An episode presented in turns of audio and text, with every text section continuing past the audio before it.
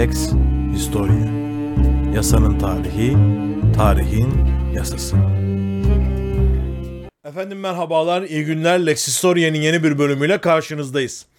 Bugünkü mevzumuz Papa Eftim ve Karamanlı Ortodoks Hristiyan Türkler.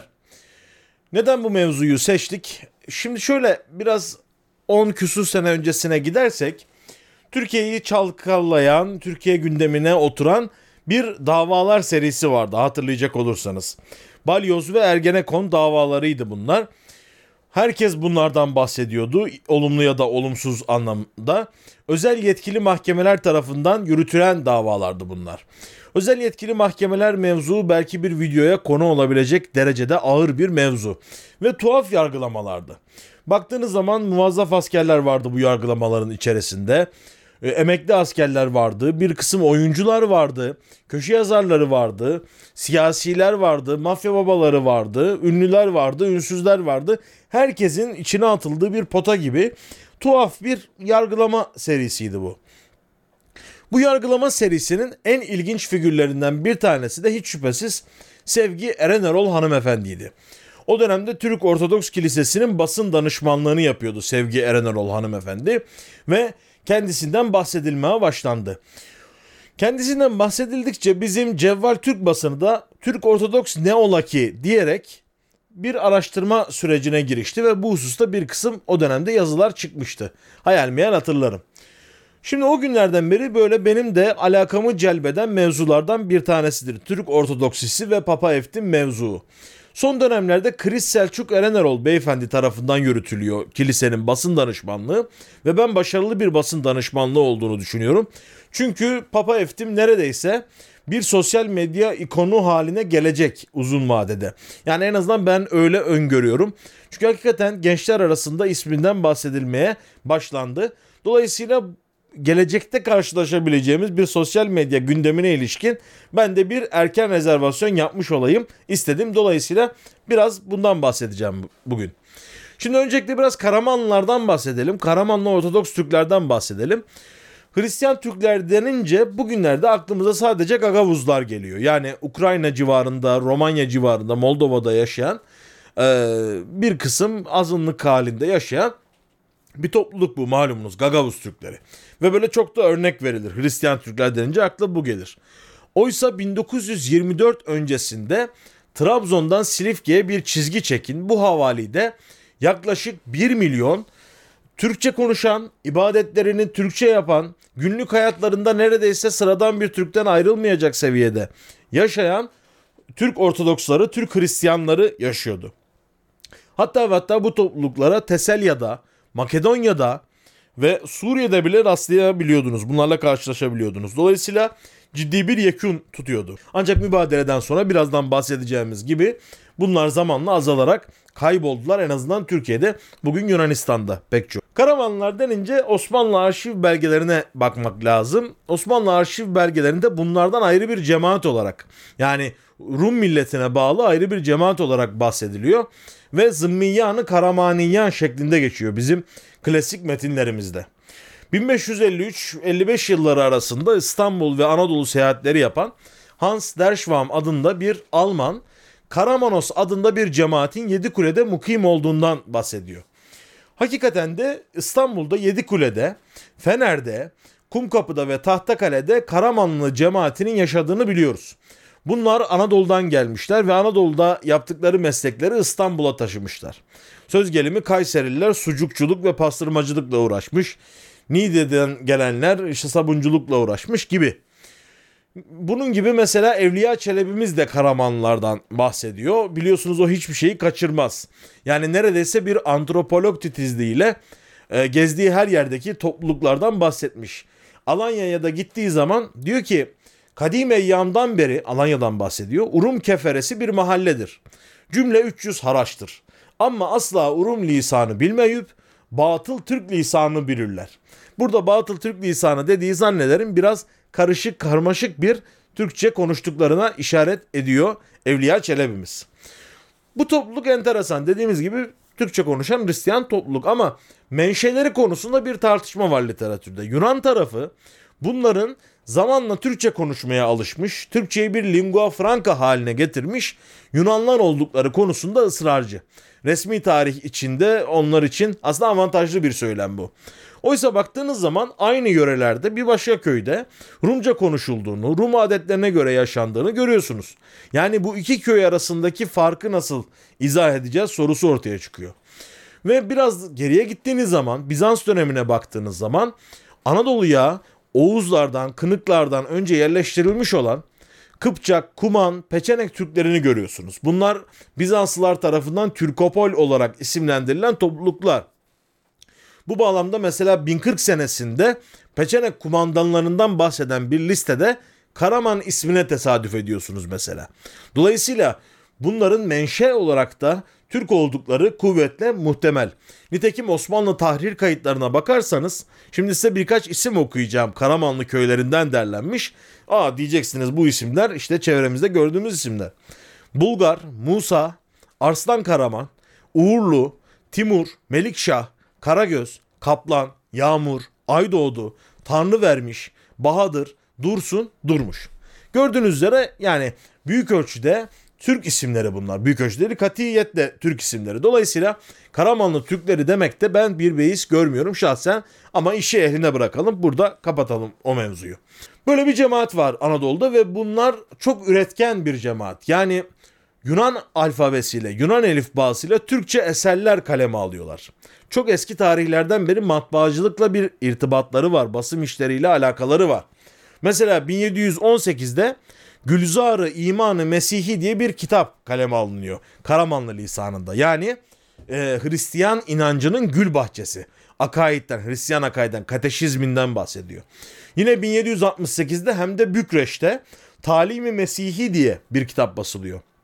Yine aynı yüzyılda Antalyalı Serafim adında bir ruhbanın kolay iman nasihati bizzat ismi de budur.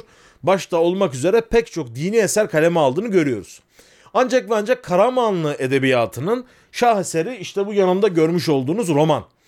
Hatta tabii ki bunlar maalesef öğretilmiyor ama Türkçe'de yazılmış, Türkiye'de yazılmış ilk romanlardan bir tanesi Evangelos Mihailidis'e ait ve Temaşai Dünya ve Cefakaru Cefakeş ismini taşıyor. Mizahi bir üsluba sahip Karamanlı Türkçesini baştan sona e, takip edebileceğiniz çok keyifli bir metin. Yapı Kredi yayınları tarafından basıldı. Kazım Taşkent klasikleri içerisinde mutlaka edinip okunmanızı e, acizane tavsiye ederim. Bunun gibi o dönemde mesela Hikayeyi Köroğlu, Hikayeyi Şah İsmail, Aşık Garip, meşhur Nasrettin Hoca ve Gülünecek Menkıbeleri adı altında pek çok eser kaleme alınıyor. Dolayısıyla bir entelektüel ortamı olan bir topluluk bunlar. Biraz da böyle günlük yaşamlarından da bir iki örnek vereyim. Bunları kilise dışında bir Türk'ten ayırmak çok zor. Hatta ve hatta size bir YouTube sayfası da tavsiye edeyim yeri gelmişken. Karamanlıca arşiv çalışmaları YouTube kanalına bakarsanız e, mutlaka tavsiye ediyorum. Orada röportajlar var. Yunanistan'daki Karamanlılarla yapılan röportajlar var. Hacı Ana Kadinko adında bir yaşlı hanım teyzeyle röportaj yapmışlar. Bayağı bizim bildiğimiz Orta Anadolu şivesiyle konuşuyor ve diyor ki mesela babam çok Hristiyan adamıdı. Namazını kılardı diyor mesela. Namaz yani ibadeti namaz olarak tarif ediyor. Ama ondan sonra geliyordu, havluya dineliyordu. Havluda namaz kılıyordu. Ben de arkasında eğeli beğeli bırakıyordum, çocuğudum ben. Bunun gibi mesela 1893'te vefat eden Bursalı Hacı Serkis kızı Nevriye'ye ait bir e, kitabe var. Yunan elifbasıyla Türkçe yazılmış. Bu da şöyle yazıyor. Çekildi ilikten damardan kanım, teslim ettim hakka tatlı canım. Kim nazar kılarsa mezar taşıma, okuyalar bir Fatiha başıma. Gördüğünüz üzere kendisine Fatiha bekleyen bir Hristiyandan bahsediyoruz. O da işte Karamanlar. Bu iki kültürün birbirine kaynaştığı bir pota aslında. Karamanlı kültürü. Yine benim çok hoşuma giden bir günlük duaları var. Bugünlük duanın bir benzerinin Müslüman versiyonu ben babaannemden duymuştum. Siz de muhakkak yaşlılarınızdan duymuşsunuzdur. Diyor ki anam panayyam tatlı panayyam sağdan sola yokla panayyam yoklayasın da bekleyesin. Hristos efendinin kilitleri başıma yastık. Yattım sağıma döndüm soluma melekler şahit olsun tatlı canıma gümüş dinim altın imanıma ben de proskinis edeyim gideyim mekanıma. Yani bir iki tane böyle tabiri e, Hristiyan tabirini çekseniz işte bildiğiniz bir Anadolu ya da e, İstanbullu Türk'ün duasıdır. Bu. Dolayısıyla e, çok yakın bir kültürü, ortak kültürü paylaştığımızı söylemek mecburiyetindeyiz. Ancak bu güzel ortam ya da bu kültür paylaşımı 1850'lere 1860'lara kadar sürebiliyor. Biliyorsunuz Yunanistan'da bir milliyetçilik akımı 1800'lerin başından itibaren baş gösteriyor ve Megali Idea kapsamında Anadolu'yu da içerisine alan büyük bir Yunan devletinin kurulması hayalleri, ütopyaları kurulmaya başlanıyor. Bu ülkü kapsamında Yunanlar şunu fark ediyorlar. Anadolu'da sayıları 1,5 milyonu bulan, 1 milyonu bulan Karamanlıları Helenleştirmeden Megali ideayı sağlamak mümkün değil. Dolayısıyla bunlara Rum oldukları telkini başlıyor. Nitekim yine aynı dönemde Bulgar eksarklığının kurulmasıyla sonuçlanacak Bulgarlar üzerinde de çok benzer bir politikası vardır. Gerek Patrikhane'nin gerek Yunan entelijansiyasının. Ee, yine azınlıklarımızdan Yahudi azınlığımızdan Avram Galanti'nin şehadetiyle vaziyet o dönemde şu. Antalya Rum ahalisi bundan 80 sene evvel metin 1950'de yazıldığına göre 1870'lerden bahsediyoruz. Yunanca bilmezlerdi. Bundan 50 sene evvelse yani 1900'lerin başında Rodos'ta bana Yunanca dersi veren muallim Nikolaidis söyledi. Nikolaidis Antakya'da en evvel Yunanca okutan muallim oldu diyerek konuyla ilgili önemli bir tespitte bulunuyor. Bu Nikolaidis'in, muallim Nikolaidis'in ifadesiyle Antalya'ya geldiğim vakit Rumlar Yunanca'dan bir gri yani bir harf bile bilmezlerdi diyor. Dolayısıyla hiç Rumca, Yunanca bilmeyen bir topluluğu Helenleştirme projesi harekete geçiyor. Bu da aslında bir kısım Karamanlılar arasında bilhassa kıyı şeridinde yaşayanlar arasında tutuyor. Sebepleri malum. O dönemde Yunanistan'la ticaret imkanları daha fazla. Bunlar tüccar, zanaatkar adamlar. Bir tarafıyla da Türkiye'deki siyasal iklim çok ağır ve baskıcı. İstibdat döneminden bahsediyoruz. Abdülhamit devrinden bahsediyoruz. Dolayısıyla e, bir Karamanlı'nın siyasete girmesi, mebus olması mümkün değil. Ama Yunan meclisinde pekala kendini temsil edebilir. Bunun gibi çok organik ve inançsal bağları bulunduğu Fener Rum Patrikhanesi'nde de bir takım pozisyonlara gelebilmek için Rumca bilmek bir avantaj. Dolayısıyla Rumca öğrenmeye ağırlık veriliyor bu dönemde. Hatta ve hatta Türkçe soyadları Yunanca olarak değiştiriliyor. Çok güzel örnekler var. Yağcı oğulları yerine Ladapoulos soyadı. Çakıroğulları yerine Galanakis soyadı. Bazıları da böyle ikisi arasında kalmış. Yani ne tam Yunanca ne tam Türkçe soyadları var. Aslanidis gibi böyle karma soyadları da var. Dolayısıyla bir helenleşme başlıyor. Hatta o devrin tanıklarının ifadesiyle dedeler torunlarının ne konuştuğunu anlayamaz hale geliyor çok kısa sürede. Yine bir vakit geçiyor. 1900'lerin başına geliyoruz ve 1. Cihan Harbi patlak veriyor. Malumunuz Yunan işgali gerçekleşiyor. Yunan işgalinin en büyük müşevviklerinden bir tanesi Fener Rum Patrikhanesi haline geliyor. Bir örnek vermek gerekirse İzmirli Hrisostomos e, Kalafatis İzmir'de Yunan işgalini ala yuvala ile karşılıyor ve e, Yunan işgaline destek veren bildiriler yayınlamaya başlıyor. Bu bildirilerden bir tanesinde Türk kanı sevaptır, Türk kanı dökmek sevaptır dediği de rivayet olunsa da buna ilişkin bir belge bulunabilmiş değil.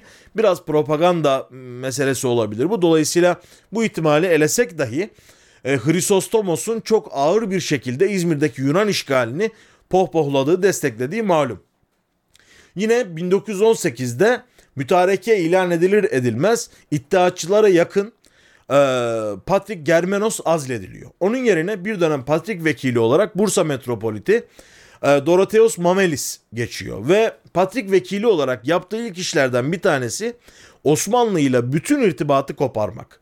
Rum okullarında Türkçe okunmasını yasaklamak ve hatta Rum okullarını işgali kutlamak üzere tatil etmek gibi bazı faaliyetlerde bulunuyor. Yunan ordusuna katılmanın işgal kuvvetlerine destek vermenin sebep olduğu yönünde fetvalar falan veriyor. Bu iş tabi çok fazla büyümeye başlıyor. Ancak bardağı taşıran son damla milli vergi adı altında bir verginin ilan edilmesi Patrikhane tarafından. Güya Rumlar tarafından para ödenecek.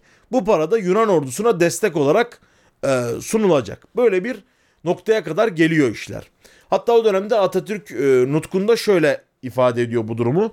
İstanbul Patrikhanesi, Yunan Konsoloshanesi esliha ve cephane deposu halini almıştır. Ve hatta kiliseler ibadet yerinden ziyade askeri ambarlar gibi kullanılmaktadır. Dediğimiz gibi bu vergi meselesi de gündeme geliyor. Patrick Meletyos e, bu arada e, kilisenin başına geçiyor ve kilise 1919'lar 20'lere geldiğimizde 3 kliye bölünmüş hale geliyor. Bir taraf Türk dostu bir politika gidiyor. Diyor ki yani biz asırlardır beraber yaşıyoruz. Ne yapıyorsunuz siz diye e, kiliseyi eleştirmeye başlıyor. Bir kısmı ki bunlar da kendi içinde ikiye bölünüyor. Konstant, Kral Konstantinciler ve Venizelosçular olarak. Bir kısmı da Yunan işgaline, İngiliz işgaline büyük destek verme pozisyonuna geçiyorlar. Türk dostu tarafta enteresan bir karakter var ki bu videomuzun da aslında başrolü o. Kırıkkale'nin Keskin ilçesinde metropolitlik yapan yani metropolitlik bir makam e, ilçe il bazında bir makam diyebiliriz e, kilise içerisinde. Yozgat Akmadenli aslen Pavlos Karahisaridis liderliğindeki bir ekip dikkat çekici hareketler yapıyor. Ve e, daha sonra işte Papa Eftim olarak bileceğimiz bu zatı muhterem bir bildiri yayınlıyor Patrikhane'ye karşı. Bu bildiride diyor ki e, İstanbul Patrikhanesi mübarek İsa Mesih'imizin emri hilafına ruhaniyetin ve mezhebimizi şerre alet ederek diye başlayıp kendilerinin Türk olduğu halde Yunanmış gibi lanse edildiği, Yunan tarafına destek verdiklerinin iddia edildiği, Patrikhane'nin Yunanların, Rumların temsilcisi sıfatıyla hareket edip dünya kamuoyunda Türkler aleyhinde propaganda yaptığı gibi hususları açık açık ortaya koyuyor. Hatta o dönemde patriklik makamında olan Melotios'u şöyle uyarıyor. Sen siyasete karışma. Bir dini kurumun başında bulunuyorsun. Siyaset senden uzak olmalıdır. Çünkü İsa'nın temsilcisi siyasete karışmaz. Ben Anadolu'da katliamlardan geliyorum. Bu izlediğiniz siyaset yolunu bırakınız. Şu anda 150 bin kişisiniz. 50 yıl sonra 20 bin kişi bile kalmayacaksınız. Hakikaten de öngörülü bir düşünce bu. Yani Papa Eftim aslında uzun vadede Türklerin kazanacağını bir şekilde belki hissediyor, biliyor ve e, Anadolu'da yaşayan Hristiyan nüfusun gelecekte tehdit altına gideceğinden bahisle Patrikhane'yi önceden uyarıyor. Ancak tabii ki onu dinleyen olmuyor. Çünkü o dönemde bir zafer havası var. Yani o İzmir işgal edilmiş, İstanbul e, işgal edilmiş. Herkeste bir ah tamam bu iş bitti. Türklerin e, köküne kibri suyu döktük havası var. Oysa Papa Eftim e, Hristiyanların geleceği bakımından çok önemli bir tespit yapıyor o dönemde. Dediğimiz gibi aslen Yozgatlı bir vatandaş Papa Eftim ve Çerkez Ethem'le kapı komşusuymuş zamanında. Bu yakınlığını kullanarak Sivas Kongresi'ne katılıyor. Burada Gazi Mustafa Kemal Paşa ile yüz yüze görüşmeler yapıyorlar ve hatta bir konuşma da yapıyor o esnada. E, ardından Keskin'de yapılan bir milli mücadele mitinginde İstanbul hükümetini tanımadığını ve Mustafa Kemal Paşa'dan başka hiçbir makamdan emir almayacağını ilan ediyor Papa Eftim. Hal böyle olunca Mustafa Kemal Paşa ile aralarında da bir yakınlık, bir ünsiyet kesbolunmuş oluyor. Ve e, Keskin Metropolitliği adeta Patrikhane'den bağımsız olarak Ankara hükümetine bağlanmış gibi bir görüntü sergilemeye başlıyor. Hatta Mustafa Kemal Paşa bu milli gayretlerinden dolayı kendisine Baba Eftim adını veriyor. E, böyle hitap edermiş kendisine ve dermiş ki milli mücadelede bize bir ordu kadar hizmet etmiştir Baba Eftim. Yanlış hatırlamıyorsam mezar taşında bile bu ibare yer alıyor. Baba Eftim bu uğurda yalnız değil. Çevresinde yine Karamanlılardan olmak üzere çoğunluğu bir kısım Rum vatandaş da var. Mesela Bodrumlu Pulluoğlu Yorgo'nun oğlu İstamat Zihni Bey. Bu daha sonra Eskişehir Milletvekilliği falan da yapacak. Ortodoksluk Sadası diye bir gazete çıkarmaya başlıyor o dönemde. Milli mücadeleye destek veren bir gazete bu. Gazetenin de açıklaması şu yani e, böyle gazetelerde olur ya işte her gazetenin bir şöyle şöyle bir gazetedir şu kadar da bir çıkar gibi bazı ibareler yer alır. Orada diyor ki Türkiye Büyük Millet Meclisi hükümetine tabi umum Anadolu Türk Ortodokslarının dini ahlaki haftalık gazetesidir diyor. Bu mücadeleler devam ediyor. Baba Eftim Anadolu'nun her yerinde Rum Ortodoks Kilisesi'ne bağlı müminleri e, Türk tarafına Müslümanlara destek vermek üzere teşvik ediyor. Bu yönde çalışmalar yapıyor, gayretler gösteriyor. Bu esnada da 9 Eylül 1922'de İzmir Yunan işgalinden kurtuluyor. Şanlı Türk ordusu İzmir'e giriyor. İzmir metropoliti Hrisostomos biraz evvel bahsettiğim hani o bildirgelerle Yunanlara destek veren papaz efendi halk tarafından linç ediliyor. Daha sonra tabi Rahip Patrik e, Meletios tarafından Hristostomos Aziz ilan edilecek. O günlerin bir azizi olarak ilan edilecek ve Aziz Hristostomos ismini alacak. Tabi bu büyük bir travma yaratıyor Rum cemaatinde. Hızlıca Anadolu'yu tahliyeler başlıyor bir taraftan. Patrik bunu engellemek için bazı bildiriler yayınlıyor. Ümidini kaybetmiyor ancak milli mücadeleye karşı durmaya da devam ediyor. Hal böyle olunca 21 Eylül 1922'de Ankara'da metropolitlerin katılımıyla bir e, hareket başlıyor. Anadolu metropolitlerinin katıldığı Kayseri'de bir kongre yapılıyor. 72 ruhani başkan bir tutanak imzalıyorlar ve Türk Ortodoksları Umum Kilisesi'nin kurulduğu Patrik Meletios başkanlığındaki Fener Rum Ortodoks Kilisesi ile bütün alakaların, ilişkilerin kesildiği ifade ediliyor. Bu cemiyetin böyle bir iki ismini sayayım. Ee, nasıl insanlar olduğunu anlamanız için. Mesela Antalya'dan Filip Çeneoğlu. Kayseri Talas'tan Newfidus Açanoğlu. Kayseri'den Tolori Durmuşoğlu. Karahisar'dan yani Afyon'dan Orlagas Yorgi. Everek yani Develi'den Kozma Boyacıoğlu gibi isimler var bu ekibin içinde. Bu ekip böyle bir e, teşekkür oluşturmaya başlıyor. Zaman geçiyor. Mübadele konusu gündeme geliyor. Aslında mübadele konusunu başlı başına bir videoda ele alabiliriz. Gerek hukuki boyutuyla gerek tarihi boyutuyla. Yani anlatmakla bitmeyecek acılarıyla, sıkıntılarıyla çok derin bir mevzudur ancak bir başka videonun konusu olsun bu. Böyle üstün körü geçelim. Mübadele gelip çatıyor. Aslında Birinci Dünya Harbi öncesinde Venez Venizelos hükümetinin teklif ettiği bir şey mübadele. Ancak savaş ortamında, savaş ikliminde pek başarılamıyor ve savaş sonrasına bırakılıyor gibi bir durum var. Bilhassa Yunan tarafı mübadele konusunda çok ısrarcı. Lozan'da Türk hükümetinin çok zorlandığı noktalardan bir tanesi de bu aslında. Ancak bir şekilde e, iki taraftan da böyle panik göçlerinin yaşandığı görülüyor. Bu göçler bazı sosyal, siyasal, ekonomik sorunlar yaratıyor. İki tarafta bir an evvel mübadeleyi yapma konusunda ısrarcı oluyor. Dolayısıyla mübadele hükmü çıkıyor ve biraz da aslında bakarsanız itiraf etmek gerekir ki e, biraz üstün körü olarak e, çıkıyor.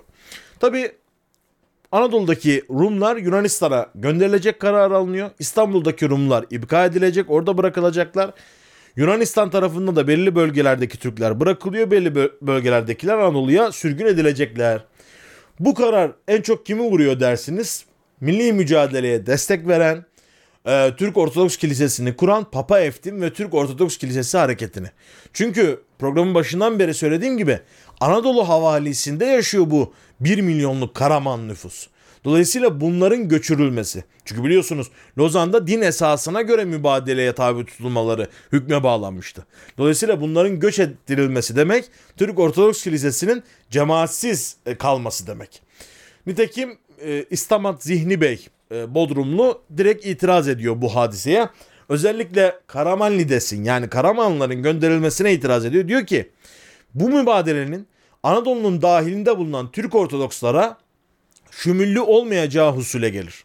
Zira biz bir kere Türk Ortodokslar henüz Lozan konferansından evvel Yunanlılar arazimizi işgal ettikleri zamanlardan Fener'in mekruh ve menfur siyasetine isyanu feryat ederek fiilen kat alaka ve münhasıran umuru diniye ve mezhebiye ile meşgul müstakil kilisemizi teşkil ettik. Yani diyor ki biz Fener'le ilişkimizi kestik. Biz Rumluk'la ilişkimizi kestik. Biz Türk'üz. Hatta kendisi de söylüyor biz Türk Ortodoksların ırken Türk olduğumuz tarihen sabittir. Lisan, adat, adat ve muaşeratımız yine Türktür diyor. Yani bizi göndermeyin kardeşim biz Hristiyanız ama Türküz, Türk oğlu Türküz diye ısrar ediyor. Fakat pek dinlenmiyor. Hamdullah Supi Tanrıöver bu dönemde onun bir kredisi vardır. Cumhuriyet'in kurucu kadroları arasında. O böyle pek çok hususta e, devrim kadrolarının da bazen aleyhine olabilecek şekilde bazı görüşlerini rahatlıkla söyler. Gazi Paşa ile böyle bir yakınlıkları vardır. Nitekim Gazi Paşa'nın huzuruna çıkıyor. Israrla diyor ki bakın bunlar Türktür, yazıktır, günahtır vesaire. Ancak yine onun ifadesiyle biz Anadolu'nun bir miktar Hristiyan Türkü ile Hristiyan Helelini ayıran farkları incelemeye vakit bulamadan önce umumi harpten evvelki menfi Yunanistan'dan gelen e, Elenizm propagandaları sonra da mübadele bir miktar Türk unsurunu Yunanistan'a göçürdü diyor. Hal böyle olunca Papa Eftim'in cemaati de büyük ölçüde dağılmış bulunuyor. Papa Eftin ve bir kısım Karamanlı mübadeleden muaf tutuluyorlar. İstanbul'a gelmeleri kararlaştırılıyor. Papa Eftim de cemaati İstanbul'a taşımanın bir yolunu aramaya başlıyor. Çünkü o dönemde İstanbul'daki Rumlar Anadolu'ya geçemiyordu. Anadolu'daki Rumlar da İstanbul'a geçemiyorlardı mübadele kapsamında. Ee, bu bağlamda Rum Ortodoks Kilisesi'yle de bir ara araları düzelir gibi oluyor. Meletios Yunan hükümetinin ısrarıyla patriklikten istifa ediyor. Daha sonra da İskenderiye patriği olacak. Onun yerine bir seçim e, arefesine geliniyor. Bu devirde Papa Eftim Ankara hükümetiyle yakın ilişkileri münasebetiyle e, patrik vekili ilan ediliyor. Ancak o Ankara'dayken buradaki patrikhane yetkilileri apar topar bir seçim yapıp Kadıköy metropoliti Gregorius'u başa geçiriyorlar. Hal böyle olunca Papa Eftim'in e, cinleri tepesine çıkıyor. Yine 7 gün gazetesinde kendisiyle yapılan bir röportaj var. Ben programı e, hazırlarken ondan da istifade ettim. O günleri şöyle anlatıyor Papa Eftim. Kendisine tabancalı papaz demişler. Çünkü iddia o ki kiliseyi basmış ve patrikhanedeki diğer yetkilileri oradan kovalamış. Kendi ifadesiyle okuyayım. Papa Eftim Efendi tabanca elinde patrikhaneye geldi. Patrikhaneyi zapt etti. Hepimizi korkuttu diye mahkemeye müracaat etmişler. Aleyhtarlarımla çok uğraşmak lazım geldi. Arkamdan binlerce kişinin sokakta yuha diye bağırdığını işittim. Yakın zamana kadar sokağa bile çıkamıyordum. Şimdi biraz hafifledi diyor.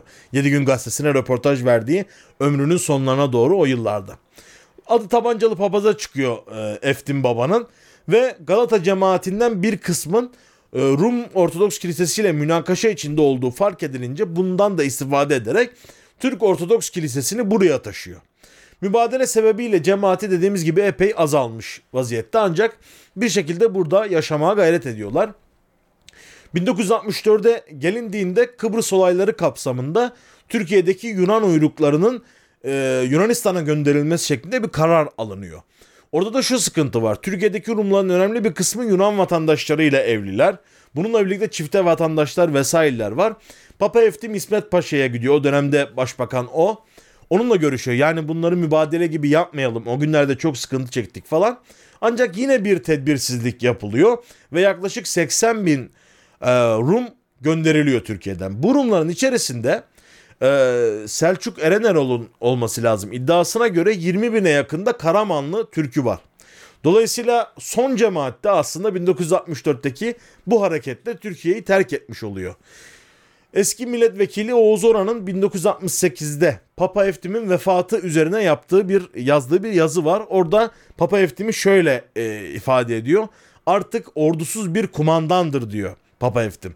Yani milli mücadeleye destek vermiş, Türk Ortodoks Kilisesi'ni ayakta tutmaya çalışmış Papa Eftim aslında yine süreç içerisinde cemaatsiz kalmayla birlikte etkisiz bir hale geliyor. Atatürk'ün iltifatına mazhar olmuş önemli bir siyasi karakterken 3-5 kişiye papazlık yapan bir e, papaz efendi haline geliveriyor bir anda. Mübadelelerle birlikte ordusuz bir kumandan haline gelen Baba Eftim e, mücadeleye devam ediyor aslında bir bakıma. E, Fener Rum Patrikhanesi ile olan tartışmalarını sürdürüyor. Beri yandan Kıbrıs meselesi gibi, e, Yunanistan'daki Türk azınlık gibi pek çok konuda Türk hükü- hükümetinin politikalarını destekleyici tutumlar sergiliyor. Kılık kıyafet kanununa çok dikkat edermiş. Yani papaz kıyafetiyle sokakta katiyen dolaşmazmış.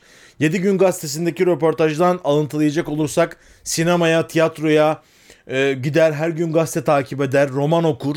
Yani günceli takip eder ve cemaatini de bu yönde teşvik eden hareketlerde bulunurmuş Baba Eftim. Böyle bir enteresan figür olarak tarihimize geçiyor. Nitekim 14 Mart 1968'de de şu ibareyle uğurlanıyor.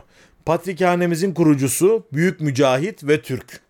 Nitekim e, kendisinin öyle bir yaklaşımı da vardır. Yani Türk dostu baba eftim dendiği zaman haşa ne alakası var? Ben Türk dostu olmam için Türk olmamam gerekir. Yabancı biri Türk dostu olabilir. Ben Türk oğlu Türk'üm diye üzerine basmıştır. E, bu üzerinde durmuştur bu mevzunun. Dahası mesela Atatürk dendiğinde gözlerinin dolduğu bazı fotoğraflar vesaireler de var. Bir heyecanlı bir adam. Bir aslında kavga mücadele insanı. Dolayısıyla cenazesi de kavgalı mücadeleli oluyor. Şişli Rum mezarlığına gömülmesi kararlaştırılıyor aile ve Türk Ortodoks Kilisesi tarafından. Ancak Rum Ortodoks Kilisesi'nin mülkiyetinde Şişli Rum mezarlığı ve diyorlar ki biz bu zatı aforoz etmiştik daha önceden. Yani aforozu biliyorsunuz. Din dışına çıkarma, bir yerde ihraç etme, ekskomine etme. Dolayısıyla biz excommunication'a uğramış yani cemaatten tard edilmiş bir kimsenin cenazesini dahi bu mezarlığa kabul etmeyiz. Rum Ortodoks Kilisesi'nin ısrarına rağmen Türk tarafı bu konuda çok kati bir e, yaklaşımda bulunuyor. Devlet yetkilileri araya giriyor. Hatta laf aramızda biraz metazori ile e, Baba Eftim Şişli Rum mezarlığına defnolunuyor. Onun ardından oğlu Turgut Erenerol geçiyor. Tabii bir, bir parantez içinde söyleyeyim enteresandır. Yani bir patriğin işte evlenmesi, çocuklarının sırayla geçmesi aslında geleneksel Rum kilisesinin kaidelerine biraz aykırı. Ancak Türk Ortodoks Kilisesi bambaşka bir teşekkül haline gelmiş artık. Ee, onun yerine Turgut Erenerol e, beyefendi patrik makamına geçiyor. Yine Baba Eftim 2 olarak. Ondan sonra 1991'de o da vefat ediyor. Onun vefatı da kavgalı olmuş. Hatta Apoyevmatini diye bir e, Yunanca gazete vardır Türkiye'de çıkan. Bugünlerde onun sahibi olan bildiğim kadarıyla halen daha sahibi Mikhailis Vasilidis bir yazı yazıyor. Bu adamın cenazesine gitmeyin bu Rum düşmanıdır falan gibilerinden yazılar yazıyor. Ondan dolayı yurt dışına gitmek zorunda kalmış. Yani o kavgalar sürekli devam ediyor. Hatta ve hatta 2002'de Selçuk Erenerol o dönemde yani Turgut Erenerol'un kardeşi olarak patriklik yapıyor. 2002'de Türk hükümetiyle bu sefer papaz oluyorlar. Ta, tabiri caizse aslında tam diğerine denk geldi. Onun da sebebi aslında Avrupa Birliği'ne giriş süreci vardı bir dönemler. Türkiye'de böyle hayaller kurmuştuk. O bağlamda Selçuk Bey buna karşı çıkmış e, ya da Patrik Cenapları buna karşı çıkmış. Dolayısıyla Türk hükümetiyle de siyasi olarak kavgaya girince cemaatin zarar görmemesi ya da kilisenin zarar görmemesi adına istifa etmiş. Yerine de oğlu Paşa Ümit Ereneroğlu patrik tayin etmiş. Halen daha kilisenin patriği e, Paşa Ümit Erenerol. Yani cemaatsiz bir kilise diyebiliriz. 3-5 kişi dahi olsa ufak bir cemaati olan bir kilise ama o kadar enteresan bir kilise ki dediğimiz gibi bu Rum kilisesiyle olan kavgalarından da ziyade siyasetle hep iç içe olmuş. Mesela 1990'larda Milliyetçi Hareket Partisi ile yakın ilişkiler kurmuşlar. Alparslan Türkeş beyefendi ile çok yakın münasebetleri varmış Sevgi Erenerol hanımefendinin. Hatta bir dönem cemaat azaldığı için Gagavuz Türklerinden yetim çocukların İstanbul'a getirilmesi, buradaki kilisede bakılması ve cemaat yapılması gibi bir proje varmış. Ancak bu projede Gagavuz hükümetinin vazgeçmesiyle aynı zamanda da gelen bir iki çocuğun zaman içerisinde belki Müslümanlaşmasıyla şunla bunla farklı iddialar var o konuda onun için böyle diyorum. Ee, bu projede sona eriyor. Ancak dediğimiz gibi Ergenekon davalarında da mesela yine aynı kilisenin adını görüyoruz. Dolayısıyla Türkiye'nin güncel siyasetiyle yaşanan hadiselerle çok yakından irtibatı olan bir kilise olarak tarihimize geçmiş oluyor Türk Ortodoks Kilisesi. Geleceğinde ne var bilemeyiz. Ancak e, Chris Selçuk Erenol beyefendi dediğim gibi basın danışmanı bu aralar oldukça güncel paylaşımlarda bulunuyor. Açıklamalar yapıyor. Çok başarılı işinde. Dolayısıyla artık belki kilise olarak bir fonksiyon icra etmekten bir ölçüde uzak olmuş olsa da Türkiye'nin gündemini meşgul etmeye devam edecekmiş gibime geliyor. Son olarak Karamanlılarla ilgili de onlarla başladık madem onlarla ilgili de bir iki kelam edelim. Yunanistan'a o yıllarda mübadele yıllarında gelen Esther Lovejoy o günlere ait bir anı e, kaleme alıyor ve orada şöyle bahsediyor Karamanlılardan. Göçmenlerin hali tarif edilemez. Bunlar bütün dünyanın reddettiği vatansız insanlar. Çoğu da kadın ve çocuk. Yunanca konuşamıyorlar. Oradan oraya hayvan gibi güdülüyorlar. Islak çukurlara, mezbeleliklere dolduruluyorlar. Yemek kıt, su kıt, yatak giysi yok. Soğuk altında öylesine aç ve hasta bekleşiyorlar. Karamanlılar ne dinleriyle Türkiye'ye uyum sağlayabildiler ne dilleriyle Yunanistan'a uyum sağlayabildiler. Orada Türkospori diyerek aşağılandılar, hor görüldüler ve e, ciddi anlamda belki de ırkçılığa uğradılar. Pek çok haklarından belki halen daha mahrum edildiler. Ve Türkiye çok ciddi anlamda zanaatle uğraşan kaliteli bir kitlesini kaybetmiş oldu. Celal Bayar bu konu üzerinde de durur. Bu müessif hadise hatta belki Karamanlılar konusunda atılan yanlış adımlar hususunda yine Celal Bayar'ın bir tanıklığı var. Atatürk'ün son günlerinde en büyük üzüntüsünün Hristiyan Türklerin Yunanistan'a gönderilmesi olduğunu Hamdullah Supi Tanrı Över'e anlatmış zamanında. Dolayısıyla hakikaten müessif bir hadisedir. Türkiye bir rengini, bir neşesini kaybetmiştir. Evet bunlar arasında Helenleşen hatta Yunan ordularına, işgal ordularına destek veren Karamanlılar da vardı. Bunu tanıklıklarla biliyoruz. Ancak bunların önemli bir kısmı Türkiye'nin tarafında duran, Türkçe konuşan, ayinlerinde, ibadetlerinde Türkçe düşünen, Türkçe rüya gören insanlardı. Dolayısıyla bunların kaybı bizim için de bir rengin kaybı anlamına gelmiştir. Madem öyle e, Karamanlı lehçesiyle yazılmış bir şiirle Papaz Neofitos İkonomos Efendi'nin şiiriyle kapatalım. Tam da yerine denk gelmiş olsun. Türkiye'den kaldırdılar bizleri, kan ağlıyor hepimizin gözleri. Hiç kimsenin gülmez oldu yüzleri, bir yatır ki yere sürdüler bizi. Yatır ki yani bir yabancı gibi. Kilisayı mektepleri terk ettik. Eşyaları, paraları sarf ettik. Antalya'yı yani mübadeleden bahsediyor. Yapanlara kahrettik. Her birimiz bir tarafa atıldık. Umarım kimse vatanından, yurdundan uzağa atılmaz. Umarım kimse yabancı kuvvetlerin teşvikiyle, kardeşiyle, komşusuyla düşman olmaz ümidiyle. Hakla kalın, hukukla kalın, sağlıcakla kalın diyorum. Kanala abone olmayı da yorum yapmayı, beğenmeyi, paylaşmayı artık onları biliyorsunuz. Unutmamanızı istirhamını da naçizane eklemiş oluyorum. Tekrardan hakla kalın, hukukla kalın, sağlıcakla kalın efendim. Lex Historia Yasanın tarihi, tarihin yasası.